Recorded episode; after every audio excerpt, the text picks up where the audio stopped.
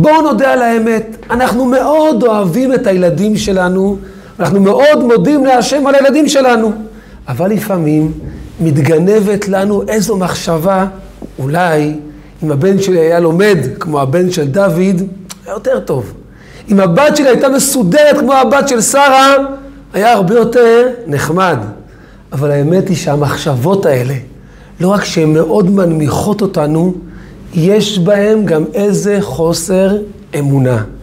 בשיעור היום נצלול לעניין של השגחה פרטית, ונבין עד כמה הילדים שלנו הם הדבר הכי טוב בשבילנו. נדבר היום גם על אחד מהדברים המרתקים והנסתרים ביותר בגאולה, על תחיית המתים, ונבין מהסיפור של תחיית המתים, איך שלכל אחד יש בעולם את החלקת אלוקים שלו, את החלק המיוחד שזו משימת חייו. אז שמעתי סיפור על חסיד בשם הרב מיכאל טייב, חסיד מכפר חב"ד, משפיע גדול, אדם מאוד מרתק, מאוד מאוד מעניין, שהוא סיפר שפעם הזמינו אותו לסדרת הרצאות בארגנטינה, הרצאות ושיעורים והתוועדויות, והוא נסע לשם טיסה מאוד ארוכה, הרבה שעות מישראל ועד ארגנטינה. וכשהוא הגיע לארגנטינה הוא מסר שיעורים, מסר הרצאות, וגם הוא קנה מחשב נייד, לפטופ, בהמון כסף, בחמשת אלפים שקל. היה צריך לנושא מסוים את המחשב הזה. ובטיסה חזרו לארץ, הטיסה שוב פעם מאוד מאוד ארוכה, והטיסה היא לא ישירה מארגנטינה לטורקיה, מטורקיה מחלפים מטוס לארץ. כשיורדים מהמטוס בטורקיה והולכים למטוס הבא שמוביל לארץ, צריכים לעשות מחדש בידוק ביטחוני ואת הכל. הוא מספר שחניית הביניים הייתה מאוד קצרה, והיה צריך להזדרז מהמטוס שנוחת מארגנטינה למטוס שמוביל לארץ. והוא הזדרז נורא נורא מהר ועשה את הבידוק ביטחוני והספיק, ברוך השם, להגיע למטוס שנוסע לארץ, ופתאום הוא שם לב שהמחשב נייד שעולה חמשת אלפים שקל נשאר כנראה במסוע של הבידוק הביטחוני בטורקיה. וזהו, והלך המחשב, למי, למי עכשיו אפשר לפנות? למי, עם מי בדיוק הוא ידבר? הוא מבין שהמחשב נייד חמשת אלפים שקל, הלכו לאיבוד, ואז הוא מספר שהוא נוחת בארץ. ואשתו באה לקבל את פניו, ואומרת לו, שלום, ברוך הבא, שמחה לראות את בעלה אחרי כמה ימים שהוא לא היה, אבל הפרצוף שלו היה נראה כמו פרצוף של מישהו שאיבד מחשב נייד שעולה חמשת אלפים שקל. והוא אומר לאשתו, ברוך השם, הכל בסדר, ואל תשאלי, והוא אומר, התחלתי לבכות לה כמו ילד קטן על המחשב הנייד. הוא אומר, ואז אשתי מסתכלת עליי, ואומרת לי, תגיד, אתה לא במקרה מוסר לאנשים שיעורים, מדבר איתם על השגחה פרטית, מחזק את כולם, עכשיו באת מארגנטינה, בטח סיפרת שם לכולם שהכל בהשגחה פרטית, ותראה איך אתה בעצמך נראה. תסתכל על הפרצוף שלך, תסתכל במראה. הוא אומר, איך שאשתי אמרה לי את זה, בן רגע, הכל אצלי השתנה, והתחלתי לחייך. כן, כי הכל בהשגחה פרטית. וגם מחשב נייד חמשת אלפים שקל, הוא נעלם, הכל הכל בהשגחה, בהשגחה פרטית. האמת היא שהיום, ברור לכולנו שהכל בהשגחה פרטית. כל אחד, כל ילד שנשאל היום, יגיד, כן, הכל מלמעלה, כל אדם, כל איש, כל אישה, כל יהודי עם אמונה, ולכל יהודי יש אמונה, יבוא ויאמר, הכל, הכל מלמעלה, הכל בהשגחה פרטית, הכל מת השם יתברך. אבל אם נפתח בספרים ונעיין, נראה שהרמב"ם לא מדבר כך. כותב הרמב"ם, כותב הרמב"ם בספר מורה נבוכים, שהשגחה פרטית זה בעיקר על מין האדם. הרי בעולם יש בני אדם, ויש גם בעלי חיים, ויש גם צמחים, ויש גם דומם. דומם, צומח, חי ומדבר, מדבר זה בני האדם. כותב הרמב"ם במורה נבוכים, על מי יש בעיקר השגחה פרטית? על בני האדם. ובבני האדם עצמם, על מי יש בעיקר השגחה פרטית? על אותם בני אדם שיותר מחוברים לקדוש ברוך הוא. זאת אומרת, לפי זה, לפי הרמב"ם הזה, אותה חתולה שמקפצת לה בין הפחים, עליה אין השגחה פרטית. ואותם עצים, אותם עשבים שגדלים להם על איזשהו הר למעלה, עליהם. אין שום סיבה, שום היגיון שיהיה להם השגחה פרטית. מה? וכי הקדוש ברוך הוא מתעסק עם דברים כאלה קטנים, וכך כותב הרמב"ם, כותב הרמב"ם בספר מורה נבוכים. דבר שמפתיע אותנו לשמוע את זה היום, וכבר נבין למה. אבל אז הגיע הבעל שם טוב הקדוש. והבעל שם טוב גילה לנו שהשגחה פרטית בעולם זה על כל פרט. על כל עלה שמנשב ברוח, עלה שמתגלגל ברוח, יש השגחה פרטית נפלאה, כמה גלגולים הוא יעשה, לאיזה כיוון הוא יעוף, איפה בדיוק הוא ינחת באדמה, הכל בהשגחה פרטית. עד כדי כך, כותב, אומר הרבי הריאץ, הרבי הקודם, אומר, שאפילו אה, עשבים, דשא, עשבים, שנמצאים על הערים הגבוהים ביותר. ונמצאים בעמקים הנמוכים ביותר, ואף רגל של, של אדם לא דרכה שם מעולם. הוא כותב הרבי הריאץ, כמה תנודות העשב יזוז לצד ימין, וכמה הוא יזוז לצד שמאל, וכמה זמן הוא בכלל יתקיים, זה הכל בהשגחה פרטית מדוקדקת. לא רק בקשר לאותו עשב פרטי, אלא יש לעשב הזה, לתנודות שלו ימינה או שמאלה, השלכה על מה שמתרחש בכל העולם. לכל פרט הכי קטן יש משמעות ויש השלכה למה שמתרחש בכל העולם. בשפה המקצועית זה נקרא אפקט הפרפר. מה שקורה כאן משפיע ומשליך על כל רחבי העולם כולו. הרב, הרבי אריאץ מדמה את זה, הוא אומר, זה כמו עקרת בית, עקרת בית טובה. עקרת בית טובה, אישה שהיא יודעת להחזיק את הבית טוב, אז היא יודעת בדיוק באיזה ארון נמצא האורז, איפה נמצאים השקדי מרק, איפה נמצאים התפוחי אדמה, איפה המלח הדק ואיפה המלח העבה יותר. היא יודעת הכל, והיא יודעת גם למה דווקא זה שם וזה שם, ויש הסבר, זה שם בגלל זה, והארון הזה הוא בצורה הזו בגלל כך וכך.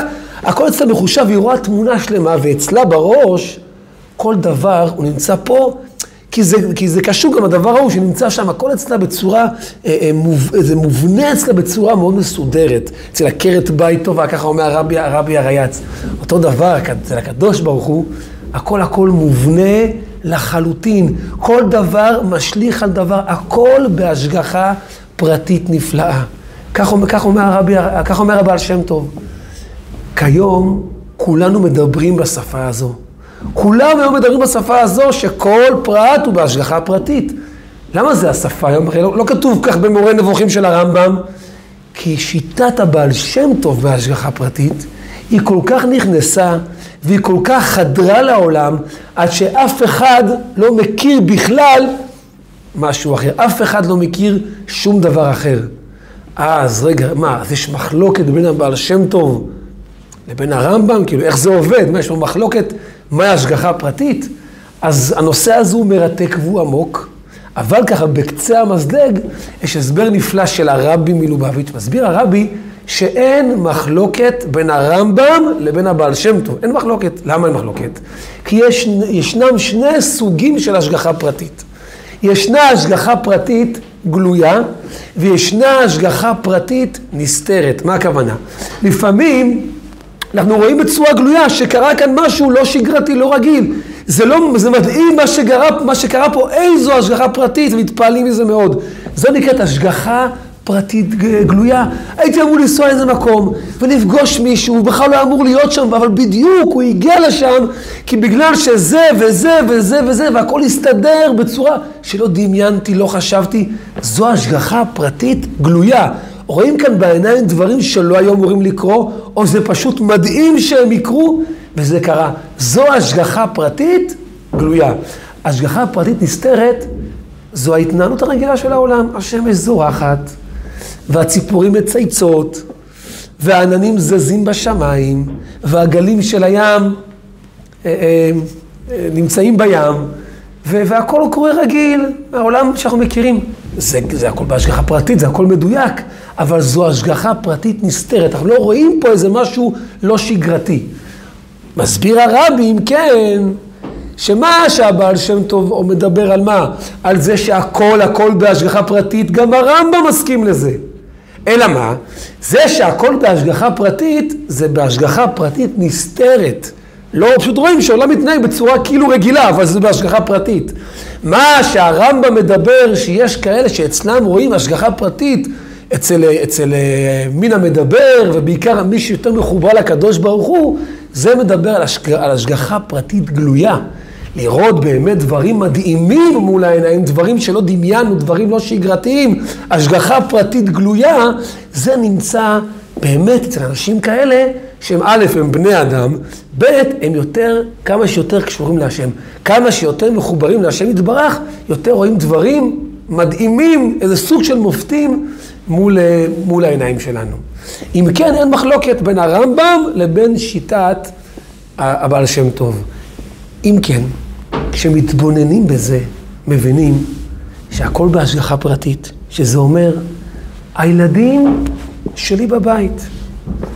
הילד הזה, יש לו אתגרים כאלה וכאלה, וקשה לו בזה, והוא לא מסתדר בזה, ולא הולך לו בזה. בדברים האלה הוא חזק, בדברים האלה הוא פחות חזק, והילדה היא, אצלה יש לה את התיק שלה, כל אחד עם החבילה שהקדוש ברוך הוא העניק לו. אבל רגע, מאיפה בא להם כל האתגרים האלה? מה, זה בא להם פתאום סתם? זה בא, הכל בהשגחה פרטית, זה בא להם מהשם.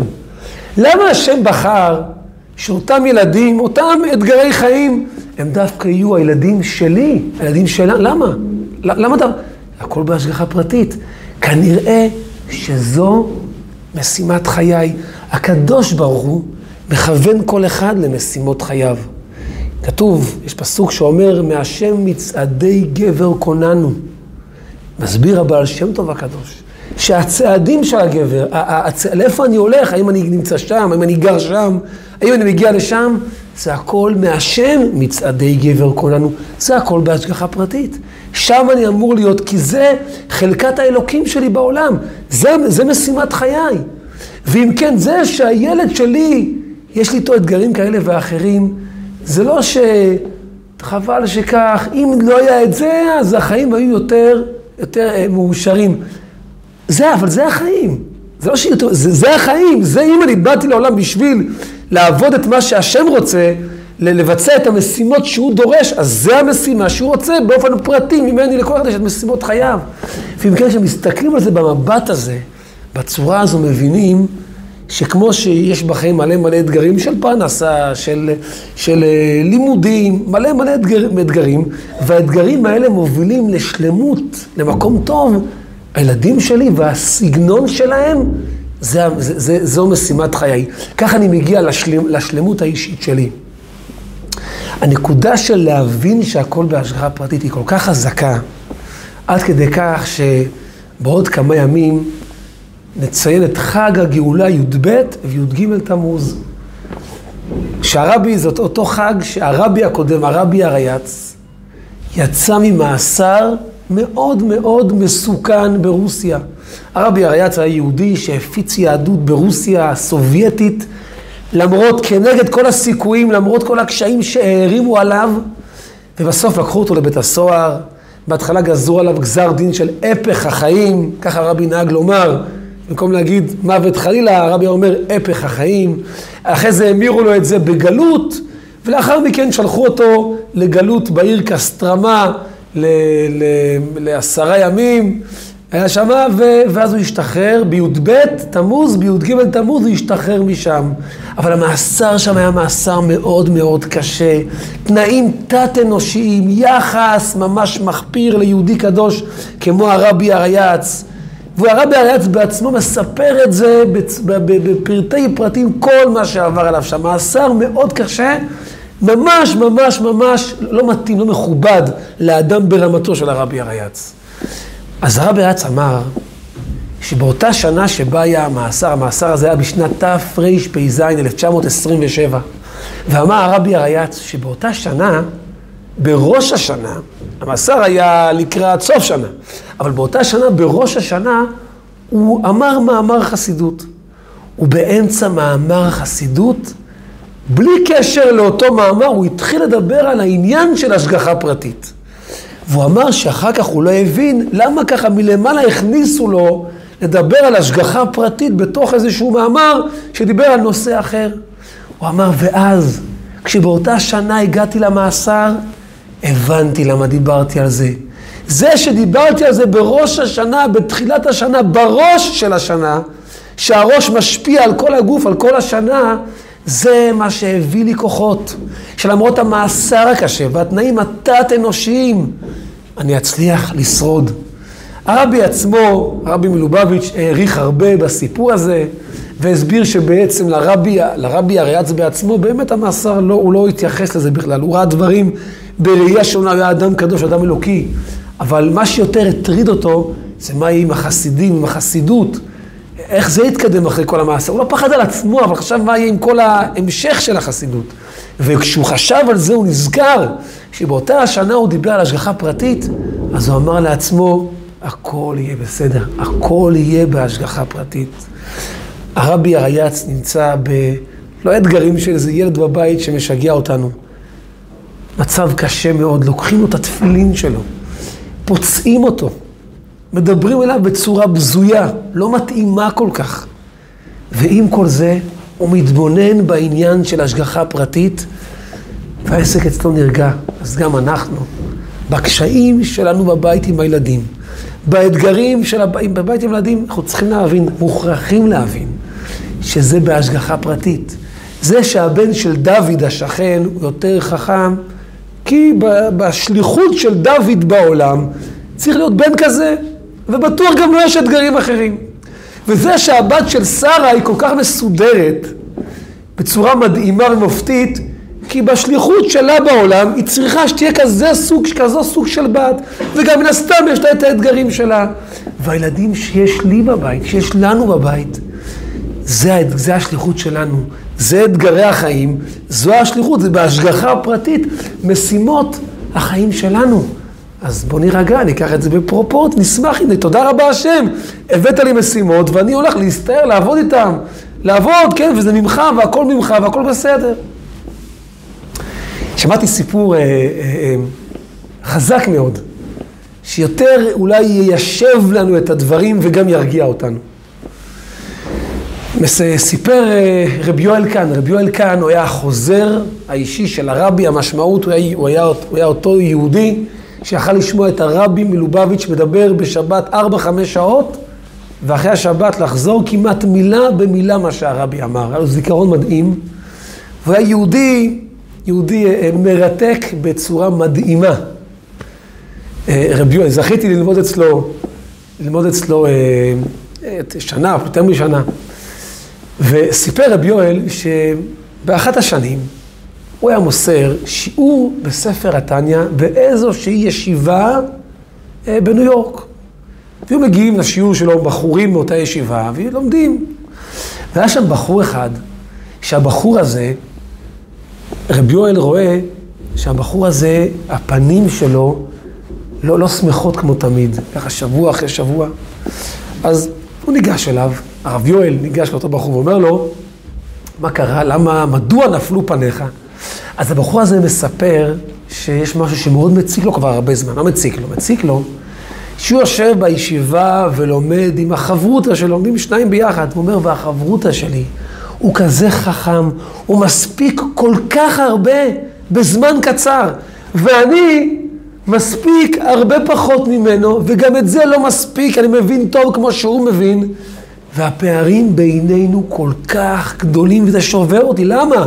למה השם עשה שהוא כך ואני כך? הוא אומר, אז ניגשתי לראש הישיבה, איפה שאני לומד. אמרתי לראש הישיבה, למה השם עשה ככה? למה הוא כך ואני כך? זה לא פייר. אז ענה לי ראש הישיבה, תקשיב, אי אפשר שכולם יהיו בעתיד ראשי ישיבות. כנראה שהחבר שלך נועד להיות ראש ישיבה, ואתה, אתה כנראה שלא. אז כל אחד והייעוד שלו. אומר הבחור, התשובה הזו לא, לא סיפקה אותי. מה זאת אומרת? כאילו, למה לא הפוך? למה שלא יהיה ראש ישיבה והוא, יהיה, והוא לא יהיה ראש ישיבה? למה דווקא? הוא אומר, הלכתי למשגיח בישיבה. משגיח זה יותר דמות כזו רוחנית. וסיפרתי למשגיח את מה שמציק לי, והמשגיח ענה לי, תקשיב, כנראה שבגלגול הקודם כבר היית ראש ישיבה. אז אי אפשר שכל פעם אתה תהיה אה, ראש ישיבה, היית פעם בגלגול הקודם שלך. הוא אומר, שמעתי את זה יותר משהתשובה לא הייתה מקובלת עליי, אפילו הצחיקה אותי קצת. כאילו, אמרתי לעצמי, מה, הוא, מתי המשגיח מבין בגלגולי נשמות? מה הייתי פעם, איפה הוא יודע? אומר, אבל אז, אני, אבל אז אני הבנתי שאין תשובה, וכולם מסבנים אותי, ו- ואין תשובה, ואני, וזה מתסכל אותי. רבי יואל אומר לאותו בחור, שמע, שאלת שאלה, גם לי אין תשובה. אבל אם אתה רוצה, תכתוב את זה לרבי, ואני אני אגיש את הפתק לרבי, ואם תזכה, גם הרבי יענה לך. אז הבחור עשה את זה, כתב את השאלה, ורבי יואל לקח אותה, העביר את זה למזכירות של הרבי, העבירו את זה לרבי, ואחרי כמה זמן הרבי עונה תשובה. בתשובה הרבי כותב לאותו בחור, שאומרת הגמרא, בסוף מסכת קידושין, אני נבראתי לשמש את קוני. יש עוד גרסה, אני לא נבראתי אלא לשמש את קוני. זאת אומרת, כשאדם מתבונן, למה נמצא כאן בעולם? אם אנחנו, אם אנחנו מגיעים למסקנה שאנחנו נמצאים בעולם בשביל רווחים אישיים של כבוד, של כסף, של המון דברים, אז באמת תמיד נשבר מזה שהוא יש לו את זה יותר, הוא יש לו יותר כסף ויותר כבוד ממני, אז ודאי שזה ישבור אותנו, אם אני חושב סביב עצמי. אבל אם מתבוננים בדברי הגמרא, שאני לא נבראתי אלא לשמש את קוני, שכל הסיבה שאני חי כאן בעולם זה בשביל לעשות את מה שהוא רוצה ממני, אז אני רגוע כשאני עושה את מה שהוא רוצה ממני. ואם ממני הוא רוצה שאני אספיק קצת, אז אני שמח, כי זה מה שהוא רוצה ממני. כי אני בעצם המטרה שלי היא לשרת אותו, את הקדוש ברוך הוא. ואם הוא רוצה ממני שאני אספיק הרבה, אז אני אספיק הרבה. זאת אומרת, לפי זה, יכול להיות מאוד שאותו בחור, אותו תלמיד, שמספיק נאמר דף אחד לשבוע, והבחור השני מספיק חמש לשבוע, ואותו בחור שיכול להספיק חמש, יספיק רק ארבע. ואני הספקתי רק את הדף הבודד שלי. אני הרבה יותר, השבוע, הרבה יותר מוצלח ממנו. כי אני עשיתי את המטרה שהשם רוצה ממני, דף לשבוע. אבל הוא יאכל, חמש ועשה ארבע, הוא לא השלים את המטרה. זאת אומרת, אם אני חושב על עצמי, על השלמות שלי, יש הרבה סיבות להישבר ולהיכנס למצב רוח לא טוב. אבל אני חושב, מה השם רוצה? אה, זה מה שהוא רוצה? זה מה שהוא רוצה ממני, אני עובד אצלו. אז אני אעשה את זה בתוך שמחה גדולה. כמובן שנדרש מהאדם להתאמץ ולמצות את היכולות שלו, אבל לדעת שהפזילות האלה, שם יותר, הילדים שלו והילדים שלה יותר, זה לא, זה לא נכון. כי מה שיש לי זה שלי, זה מה שהשם רוצה ממני. זה בדיוק כמו שנגיד יבוא מלך, ו- ויש שם על הרצפה אה, אה, יהלום יקר, ושם על הרצפה תהיה קליפה של קלמנטינה. אז האם, האם כשהמלך יבוא אליי ויגיד לי, תרים את היהלום או תרים את הקלמנטינה, האם זה יותר כבוד להרים את היהלום מאשר את הקלמנטינה? אין הבדל. עצם זה שהמלך פנה אליי, זה, זה, זה הכבוד, זה השמחה, זה מביא את ההרגשה הטובה. מה זה משנה בכלל אם זה בשביל להרים יהלום יקר או להרים קלמנטינה? עצם היחס של המלך אליי, זה מה שירומם אותי. אותו דבר, עצם זה שהקדוש ברוך הוא מתייחס אלינו ודורש מאיתנו דרישות, זה הדבר, זו משימת החיים. מה זה משנה אם זה חמש או אחד? מה זה משנה אם זה אתגר כזה או אתגר אחר? זה מה שהוא רוצה, ואנחנו עובדים אצלו, עובדים אצל הרצונות שלו.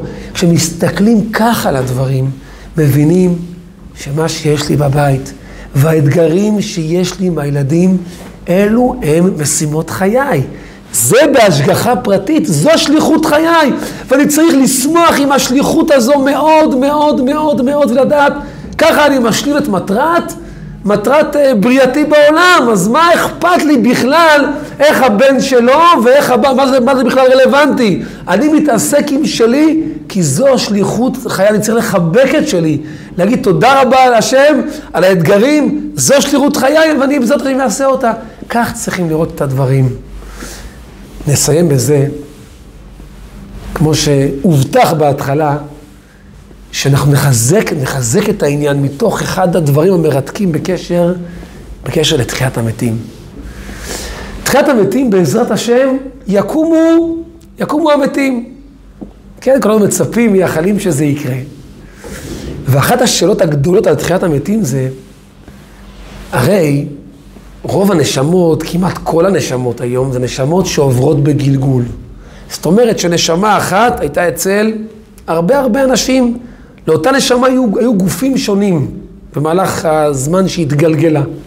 אם כן, נשאלת השאלה, כשמשיח יבוא ותהיה תחיית המתים, הנשמה הזו, עם איזה גוף היא תקום? עם הגוף הראשון שלה, האחרון שלה, האמצעי, עם איזה גוף היא תקום? זאת אומרת, לפי זה גם יוצא, לכאורה, שיהיו כאלה שלא יקומו, כי הרי זה נשמה אחת בהרבה גופים, אז רק אחד מהגופים יקום. זו אחת השאלות, ואת השאלה הזו שאל פעם, היה איזה יהודי פעם שכתב מכתב לרבי, ושאל הרבה דברים על תחיית המתים, והרבי ענה לו במכתב מאוד מאוד ארוך, הרבה דברים, איך יהיו בתחיית המתים. זה מכתב מאוד מאוד מרתק ששווה קריאה.